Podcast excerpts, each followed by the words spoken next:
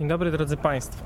Zgodnie z zapowiedzią będzie dzisiaj informacja na płyty roku 2022, bo mamy taki z moim wielkim przyjacielem Adrianem taki zwyczaj, że co roku ustalamy co jest dla nas płytą roku 2000, no płyta poprzedniego.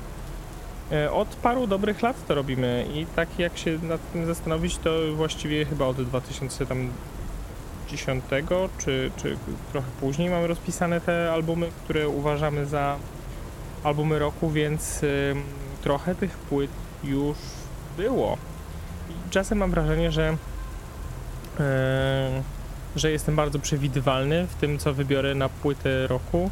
Z drugiej strony staram się nie być aż tak bardzo oczywistym i nie wybierać takich albumów, które w oczywisty sposób tutaj będą dla mnie albumem roku, a potem się okazuje jeszcze zupełnie inna sprawa, mianowicie, że po latach na przykład do danej płyty się wraca zdecydowanie rzadziej niż do innych albumów z, z danego momentu, więc y, nie wiem, czy po czasie nie powinienem tego zmieniać, jeżeli się na przykład okazuje, że z 2013 to głównie słuchaną przeze mnie płytą jest Late for Nothing e, zespołu Restelteber Once, czy, czy, czy to powinna w takim razie być moja płyta 2013? Potem się okazuje, że ostatecznie była ale są też takie płyty, do których nie wracam, mimo tego, że uważam, że były y, albumami gdzieś tam wybitnymi w danym okresie, ale jakoś nie ma na niej vibe'u. Później, jeżeli chodzi o Adriana, to zaryzykuję stwierdzenie, że to będzie albo Keltofluna, albo Lorna Shore. Więc zobaczymy, Adrian, jaką decyzję ty podejmiesz. A ja będę teraz mówił długo żeby, żeby trochę opowiedzieć o tym, co się muzycznie wydarzyło, bo parę takich momentów, parę momentów takich było. Pamiętam taki odcinek South Parku, w którym e, bodajże Cartman stał się starym człowiekiem i całą muzykę, którą słyszał współczesną, brzmiała dla niego jak pierdy. Cała ta współczesna muzyka brzmiała dla niego jak pierdy i beknięcia i się okazywało, że jakby tezą tego odcinka było to, że starzy ludzie już nie słyszą po prostu e, żadnej wartości w, w współczesnej muzyce, tylko wracają tylko do tych starych płyt, na których się wychowali i do płyt ze swojej młodości, bo wszystko dla nich brzmi e, współcześnie beznadziejnie. I mówiąc zupełnie szczerze, dla mnie trochę też tak jest, to znaczy dużo muzyk, która wychodzi współcześnie jest dla mnie absolutnie niezrozumiała i w ogóle mi się nie podoba i podąża jakimiś takimi trendami, które dla mnie są no nawet może nieakceptowalne, jeżeli chodzi o to, co miałbym słuchać. Ale z drugiej strony potem okazuje się, że ja słucham dużo więcej współczesnej muzyki niż jakieś tam rzeczy na przykład z lat 90. czy początku wieku, bo mimo tego, że na tamtej muzyce gdzieś tam się wychowałem, z tego względu, że ona jest po prostu lepiej wyprodukowana.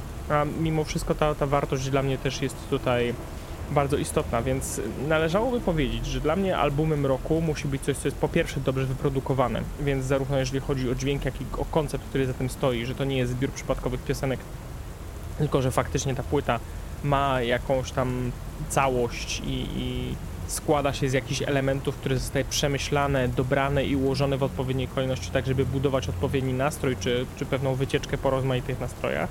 Więc to jest po pierwsze. A po drugie, dla mnie taka płyta musi zawierać jakieś takie elementy, takie momenty, które ja zapamiętam.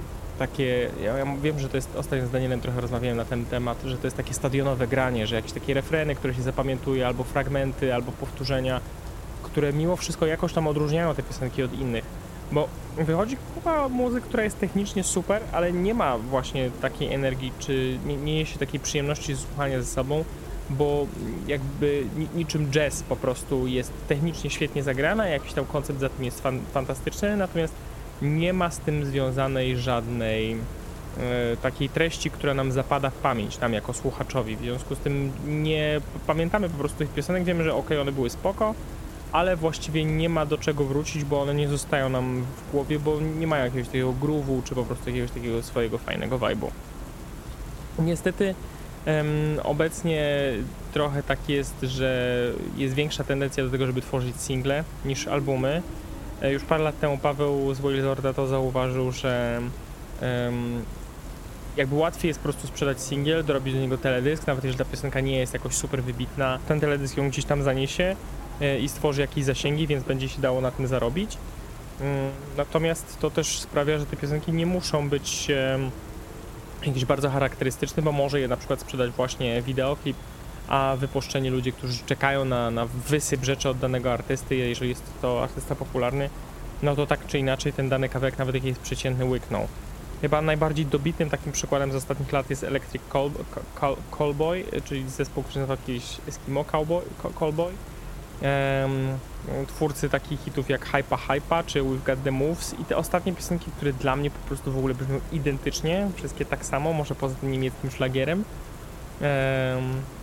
I tutaj nie będziemy kłamać, że, że mieli nas już w pierwszej części tej piosenki, natomiast no cóż, mówiąc w wielkim skrócie, nie, nie są to kawałki, które się w, jakiś, w żaden sposób wyróżniają jeden od drugiego.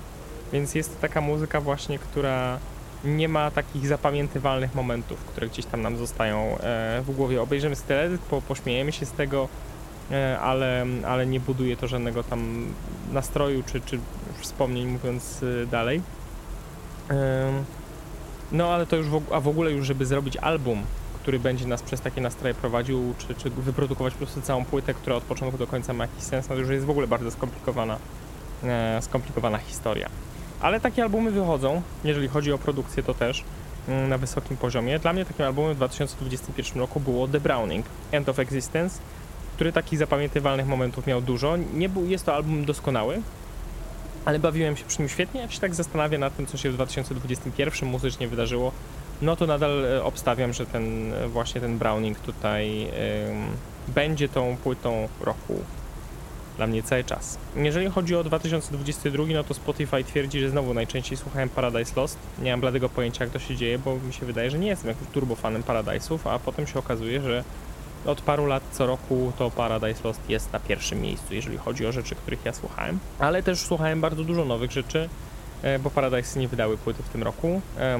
Greg coś tam e, robił solowo i, i zdaje się Nick Holmes też coś tam solowo gdzieś się udzielał w jakiejś szwedzkiej kapeli, ale e, mówiąc zupełnie szczerze nie zostało to ze mną na dłużej. Natomiast jeżeli chodzi o nowe rzeczy, no to na pewno Cult of Luna czy, czy, czy nowy Megadeth to były dość intensywnie osłuchiwane, więc nie można powiedzieć, że takie albumy nie wychodzą, czy że ja w nowej muzyki praktycznie nie słucham. W ogóle uważam, że 2022 był zdecydowanie lepszy niż, e, niż 2021. No ale cóż, to może przejdźmy do meritum. W takim razie już do tego, co było słuchane e, i co uważam, że albumem 2022 roku zostać powinno. Przynajmniej w moim personalnym rankingu wiadomo, że to są tylko i wyłącznie moje wynurzenia w związku z tym śmiało podejmujcie swoje własne autonomiczne decyzje i jakby traktujcie to tylko na zasadzie takich polecajek, rzeczy, które naprawdę warto przesłuchać, bo przynajmniej z mojego punktu widzenia, bo są po pierwsze dobrze wyprodukowane, po drugie sensownie zagrane, po trzecie mają jakiś tam koncept i, i trzymają się kupy i warto generalnie do tego zajrzeć, ponieważ muzycznie rzecz ujmując, technicznie to są rzeczy nie najgorsze, może w ten sposób. Zacznijmy od popu. O to się za bardzo nie mogę wypowiedzieć, nie znam się, to się wypowiem, ale mówiąc zupełnie szczerze, nic mi za bardzo w ucho nie wpadło. Yy, mogę powiedzieć tyle, że przesłuchałem Dawida Podsiadła, nową płytę i ja jej w ogóle nie rozumiem. W sensie muzycznie tam się nie wydarzyło nic nowego, poza tym, co się działo już na jego poprzednich albumach, więc jakby tutaj rewolucji nie ma. Tekstowo nie mam bladego pojęcia, gdzie ten człowiek jest zawieszony, bo mi się wydaje, że on śpiewa jakby był o, z mojego pokolenia, a potem się okazuje, że jest młodszy, więc on tak naprawdę miał dużo mniejszą styczność z tym, o czym śpiewa tak naprawdę, niż na przykład ludzie mojego rocznika. Więc y, jest dla mnie to takie trochę nieszczere i mam wrażenie, że on jakby próbuje się postarzyć na siłę trochę w tych tekstach. No ale w każdym razie, mówiąc w wielkim skrócie, kompletnie do mnie nie trafił i ostatecznie e, Dawida Podsiadły polecić nie mogę. A próbowałem, e, bo na przykład Małomiasteczkowy jako płyta mi się bardzo podobała. W polskiej muzyce chyba najlepiej wypadł Mrozu, i album Złote Bloki, który żre od początku do końca i ma taki super vibe i generalnie jest bardzo przyjemny. Aczkolwiek już ma taki trochę syndrom też yy, zżerania własnego ogona, jako trzeci album w podobnym stylu po, po Zewie i po Aurze. Aura jest chyba najlepszym w ogóle albumem, nazwijmy to, tej trylogii, natomiast yy, no już słychać, że, że ta yy, formuła trochę się wyczerpuje, no ale zobaczymy, czym nas Mrozu zaskoczy w latach kolejnych. E, ale jeżeli kojarzycie cały czas Mroza z płytą Miliony Monet, to zmieńcie swoje nastawienie, bo jest to jeden z najciekawszych w ogóle wokalistów tej chwili w Polsce, nagrywających naprawdę fajne rzeczy. E, Niekoniecznie takie idące z mainstreamem, ale na pewno zagrane z sercem, mające dużo sensu i bardzo przyjemne właśnie jeżeli chodzi o taką wycieczkę po rozmaitych nastrojach, które nam ta płyta, właśnie Złote Bloki, zafundować może. Z rapu to się kompletnie nic nie wypowiem, bo wypadłem z obiegu i mówiąc zupełnie szczerze, nic mnie od dawna nie cieszyło, tak żebym się jakąś płytą zachwycił, więc w ogóle kategorię rap e, pominimy.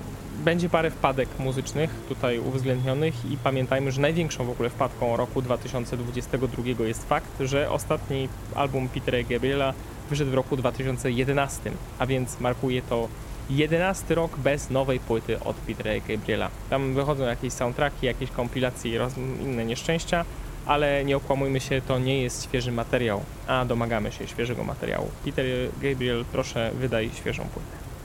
E, Peter Gabriel nie wydał nowej płyty w 2022, za to nową płytę wydał Steve Vai.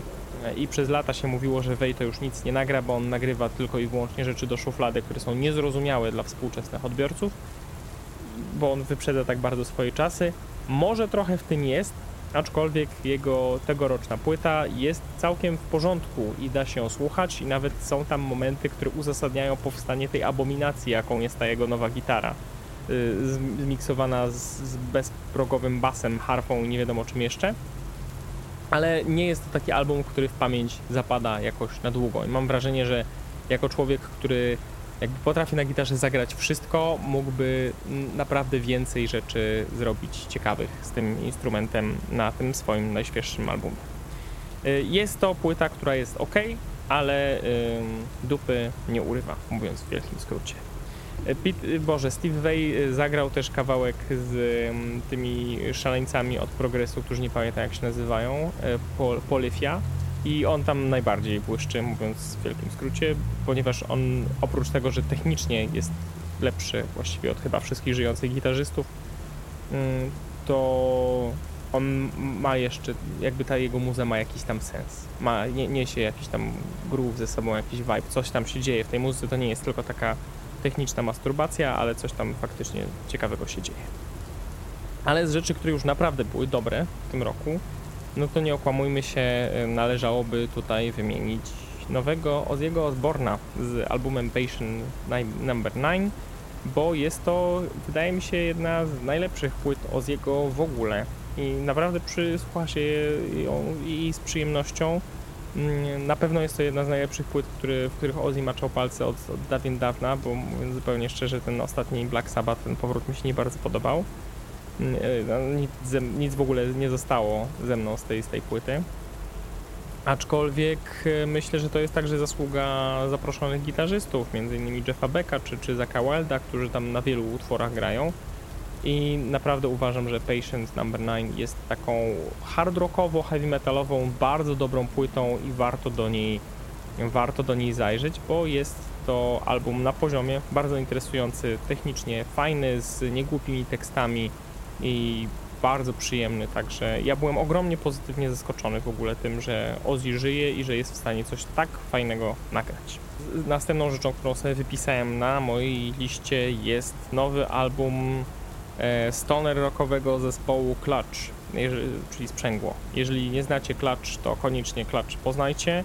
Album nosi tytuł Sunrise on Slaughter Beach i jest to płyta, która tak fajnie niesie, naprawdę, jest to, jest to super przyjemna rzecz, jeżeli lubicie takie stonerowe klimaty, ale nie takie zamulaste, tylko takie właśnie nio- niosące energetycznie do przodu, to na pewno Sunrise on Slaughter Beach Wam przypadnie do gustu.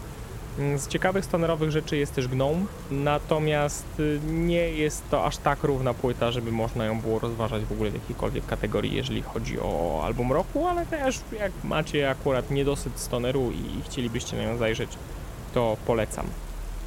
E, Już wspomniałem trochę o, o nowym Keltofluna, Long Road North. Mm, jest to jeden z najlepszych albumów Keltofluna od dawien dawna. W sensie od 2013 roku i od Verticala, myślę sobie, jest to najlepsza rzecz, którą Keltofluna wydali. Nie rozkłada Verticala na łopatki, ani tym bardziej Eternal Kingdom, aczkolwiek jest to kawał solidnej płyty i bardzo przyjemnie się jej słucha i nie jest przekombinowana. Mm, Mimo tego, że te utwory są monumentalne, ogromne, dość złożone i długie, to jednak e, jest w tym serduszko, a nie tylko technika. Więc mi się Long Road North bardzo podobał. Czy jest to album roku? Ciężko tutaj mi się na ten temat aż tak zdecydowanie wypowiedzieć, e, z tego względu, że to nawet nie jest najlepszy album Keltofluna, który wyszedł w tym roku. Mm, Bo uważam, że Final Light, które zostało nagrane przez właśnie wokalistę Keltofluna oraz człowieka, który występuje pod pseudonimem scenicznym Perturbator, jest rzeczą lepszą i Final Light jest ultra ciężki, jeżeli chodzi o swój klimat. Technicznie może aż tak ciężko nie jest, ale no jest to kawał potężnej płyty i, i bardzo Final Light polecam. Więc jakbym miał wybierać pomiędzy Long Road North albo Final Light, to chyba bym wybrał jednak Final Light, bo jest dla mnie trochę bardziej świeże. Em, aczkolwiek em, żadnej z nich bym nie wskazał jako płyty roku 2022. Wybacz Adrian, wiem jak jest. Chociaż podejrzewam, że i tak nie, nie, nie wybierzesz e, Long Road North, jeżeli chodzi o swoje, e, swoje albumy. A to zobaczymy, nie wiem, na Instagramie skomentujemy. Um, Tears for Fears, The Tipping Point. Ja mam ogromną słabość do Tears for Fears, w związku z tym nie mogę jakby przejść obojętnie nad tym, co oni wydają. I The Tipping Point jest też albumem bardzo dobrym. Nie na tyle dobrym, żeby powiedzieć, że to jest najlepsza rzecz, którą słyszałem w tym roku, ale jest to rzecz świetna, więc jeżeli lubicie ten poprokowy klimat i vibe, który niesie ze sobą Tears for Fears, od i gdzieś tam w klimacie powiedzmy bardziej Raul and the Kings of Spain niż y, Shout, to The Tipping Point na pewno Wam bardzo mocno polecam, bo jest to rzecz super i ja się przy niej bawiłem świetnie. Dużo gorzej się za to bawiłem przy Empyrean od y, zespołu Fallujah. Fallujah wydali kiedyś dwa albumy, które, te pierwsze dwa, które jakby rozkładają mnie za każdym razem na łopatki. Uważam, że są to płyty absolutnie nieskończenie wybitne. I jeżeli chodzi o takie ciężkie techniczne granie, to niewiele w ostatnim czasie się wydarzyło rzeczy lepszych. Nawet ten wybrany w zeszłym roku przeze mnie jako album roku The Browning nie, nie ma takiej siły jak te poprzednie płyty Fallujah, natomiast Empyrean, Empyrean po pierwsze jest powrotem do pewnego e, do pewnej konwencji właśnie tych pierwszych dwóch albumów, bo, bo później się zmienił wokalista i ta kolejna płyta już nie była tak dobra. Była bardzo chaotyczna i, i w gruncie rzeczy no, technicznie na pewno była super zagrana, ale było tam takie szukanie w ogóle tego vibe'u, który, em, który oni gdzieś tam mieli wcześniej. Ale y, mimo tego, że Empyrean do tego, mm, do tego klimatu wcześniejszego powraca, to nie dowodzi go na takim poziomie, jak ja bym chciał. I mi się ta płyta bardzo podoba, ale mimo wszystko jestem nią troszeczkę rozczarowany z tego względu, że spodziewałem się, że mm, i po singlach przynajmniej, że cały album jakby będzie taką zwartą, konkretną konstrukcją, która mi się będzie podobać w całości. Te single są super, natomiast cała reszta jest no słabsza. No, nie da się po prostu tego określić innymi słowami. Jest, jest słabsza niż te single, więc mo można było pewnie poczekać z wydaniem tej płyty, ale pewnie też nie można było, bo wiadomo, że e, artyści też jakby nie patrzą często na zasadzie, że o kurczę, musimy wydać płytę, bo jest lipa, tym bardziej e, jednak mimo wszystko Fallujah jest niszowym zespołem. Mm, No ale, ale pewnie oni są przekonani, że to jest najlepsze, co mogli w tym czasie nagrać. E, Ja się do końca z tym zgodzić nie mogę.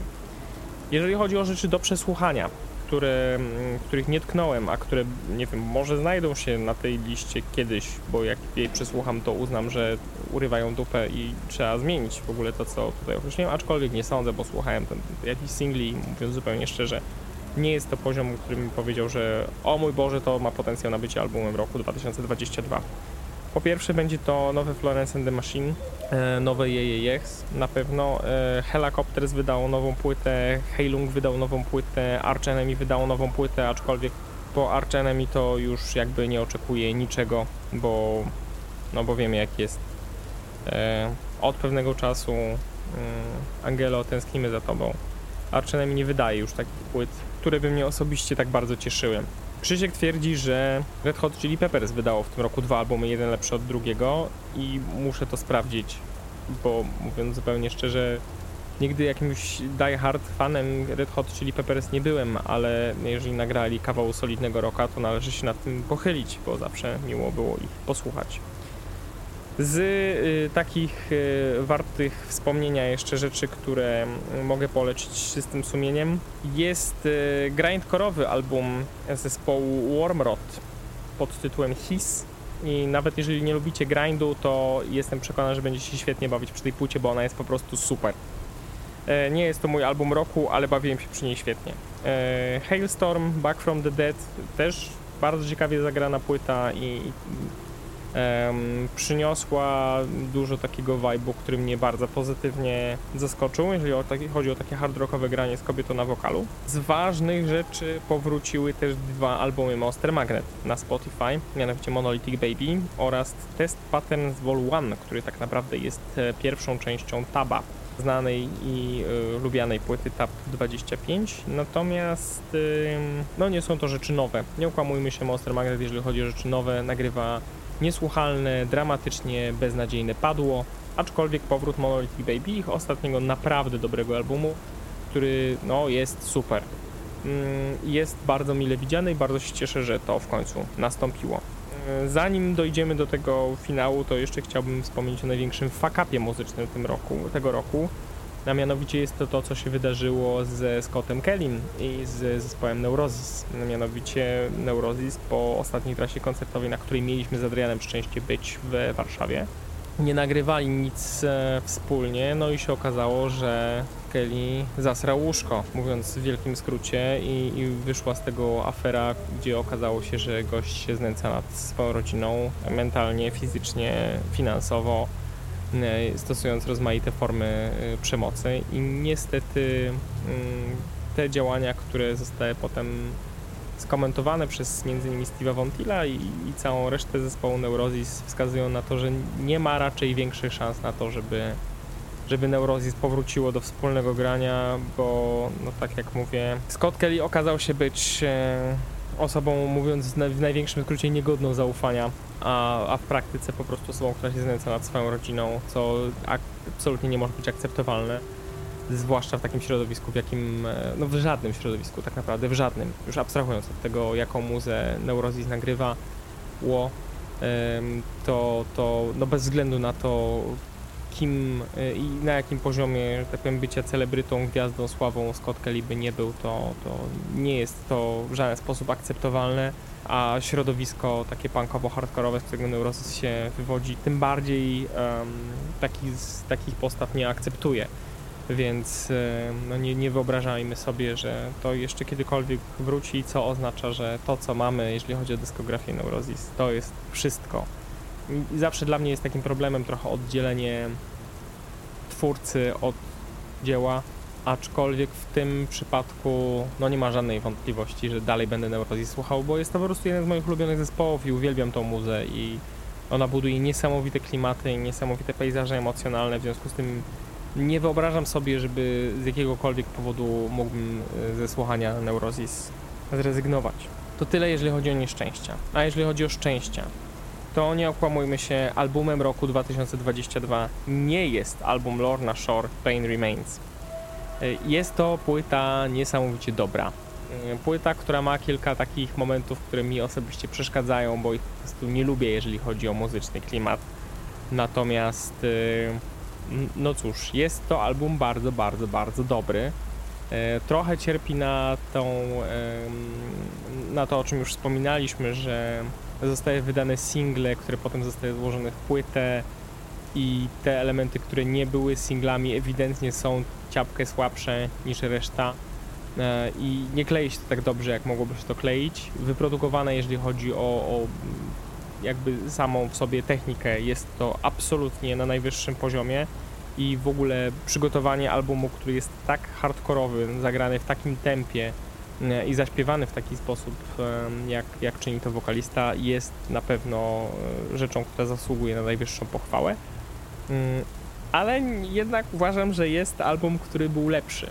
E, I jak widzicie, jest to takie bardzo hardkorowe granie, e, a nie wybrałem nic takiego bardziej przystępnego dla szerszego grona słuchaczy. No ale cóż, taki już mam gust i uważam, że taka muzyka, która powstaje w tej chwili, Jest y, jednym z ostatnich bastionów szczerości, bo to jest nierobione komercyjnie, no bo wiadomo, że komercyjnie to nikt nigdy tego nie przełknie, ale warto się nad tym, e, warto się nad tym pochylić, e, jeżeli chcecie posłuchać albumu, który naprawdę jest technicznie super.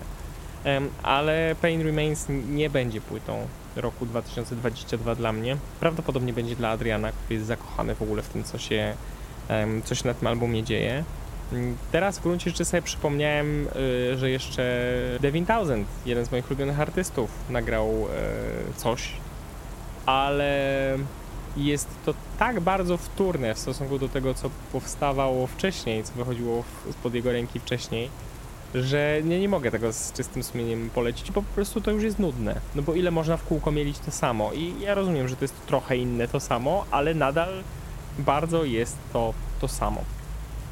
Natomiast przy okazji posta, e, tutaj pewnie Adrian już nerwowo scrolluje Facebooka, co napisałem w 2021 roku na koniec, podsumowując tam, tamten rok, jeżeli chodzi o to, czego się spodziewam w roku kolejnym. Napisałem tam, że spodziewam się kilku płyt, że będą bardzo dobre. I jedną z tych płyt e, jest tegoroczny Megadeth. Super w ogóle, że e, jakby Mustaine z ekipą zdecydowali, że przywrócimy światu speed metal z lat 80. Zrobimy to totalnie w klimacie tego, co nagrywaliśmy 30 lat temu, 40 właściwie już prawie. Mm, i Jest to super płyta. Naprawdę, nie okłamujmy się, nowy Megadeth jest albumem świetnym. The Sick, The Dying and The Dead jest po prostu albumem, na który nie wiedziałem, że czekam. Nie, nie wiedziałem, że chcę na powrót mm, takiej płyty jak z lat 80., tylko współcześnie wyprodukowanej, współcześnie pomyślanej i współcześnie złożonej. Jest to rzecz świetna i tak jak, e, tak jak się śmiałem tam w rozmowach ze znajomymi, że e, Megadeth e, naprawdę od dawna nie nagrali złej płyty, a Metallica nie nagrała płyty żadnej, aczkolwiek Meta wróciła w tym roku, żeby nagrać singiel dla nowych fanów, którzy przyszli słuchać zespołu dzięki temu, że pojawili się w serialu Stranger Things. I nie jest to piosenka dobra, nie jest to piosenka fajna i w ogóle nie jest to piosenka, która cokolwiek do gatunku wnosi. E, I właściwie o tym, że Megadeth powrócił z albumem jak z lat 80. też można powiedzieć, że nic do gatunku nie wnosi, ale mm, jest to na pewno dużo wyższy poziom, jest to dużo lepiej przemyślane, jest to cała płyta na miłość boską. Um, I jest to płyta, która jest takim współczesnym trybutem dla tego, co było nagrywane te 30-40 lat temu. Dlatego z czystym sumieniem e, ją polecić mogę, a nawet muszę, bo uważam, że jest to jeden z najfajniejszych albumów zeszłego roku. A najfajniejszym albumem roku 2022, wyprodukowanym fantastycznie od początku do końca, przemyślanym, rewelacyjnie zagranym, mm, muzycznie będącym świetną rzeczą, tekstowo bardzo ciekawym, który niesie pewien koncept od samego początku do samego końca, jest płyta, na którą czekałem również, czyli Shadow of Intent, a album się nazywa Elegy. I jeżeli jej nie słyszeliście, to koniecznie musicie to nadrobić. Jest to, em, jeżeli można tak powiedzieć, symfoniczny metalcore. Rzecz niesamowicie szybka, mocna, agresywna, bardzo, bardzo, bardzo dobra, niosąca ze sobą mnóstwo rozmaitych e, momentów, takich emotional i, i wiodących przez różne nastroje, ale przede wszystkim zawierające też wiele takich chwil, które łatwo zapamiętać, takich fragmentów, które łatwo sobie powtórzyć, które zostają po prostu w pamięci, mm, bo po pierwsze są bardzo melodyjne, a po drugie też niosą ze sobą bardzo wiele, jeżeli chodzi o taką moc zniszczenia. W związku z tym pozostawiam Was z tą oto myślą i tą e, szalonie długą listą albumów, które w gruncie rzeczy warto sobie gdzieś tam zrobić. Więc e, idźcie wszyscy i słuchajcie Shadow of Intent, Elegy i bawcie się przy tym dobrze, ale słuchajcie też Lorna Shore, Pain Remains, em, z rzeczy, które wspomniałem również e, Wormrot, e, His, Hailstorm, Back from the Dead, mm, e, Fallujah, Empyrean, Tears for Fears, The Tipping Point na pewno, Clutch, Sunrise on Slaughter Beach, Ozzy Osbourne, Patient Number 9 e, oraz Celt of Luna, The Long Road North oraz Perturbator, Final Light. To są rzeczy, przy których będziecie się na pewno bawić dobrze. A i jeszcze mrozu, złote bloki jako truskawka na tym torcie. Także y, dziękuję za słuchanie dzisiaj. Bawcie się muzycznie dobrze. E, no i co, kochani? Z Bogiem. Nara. Pa, pa.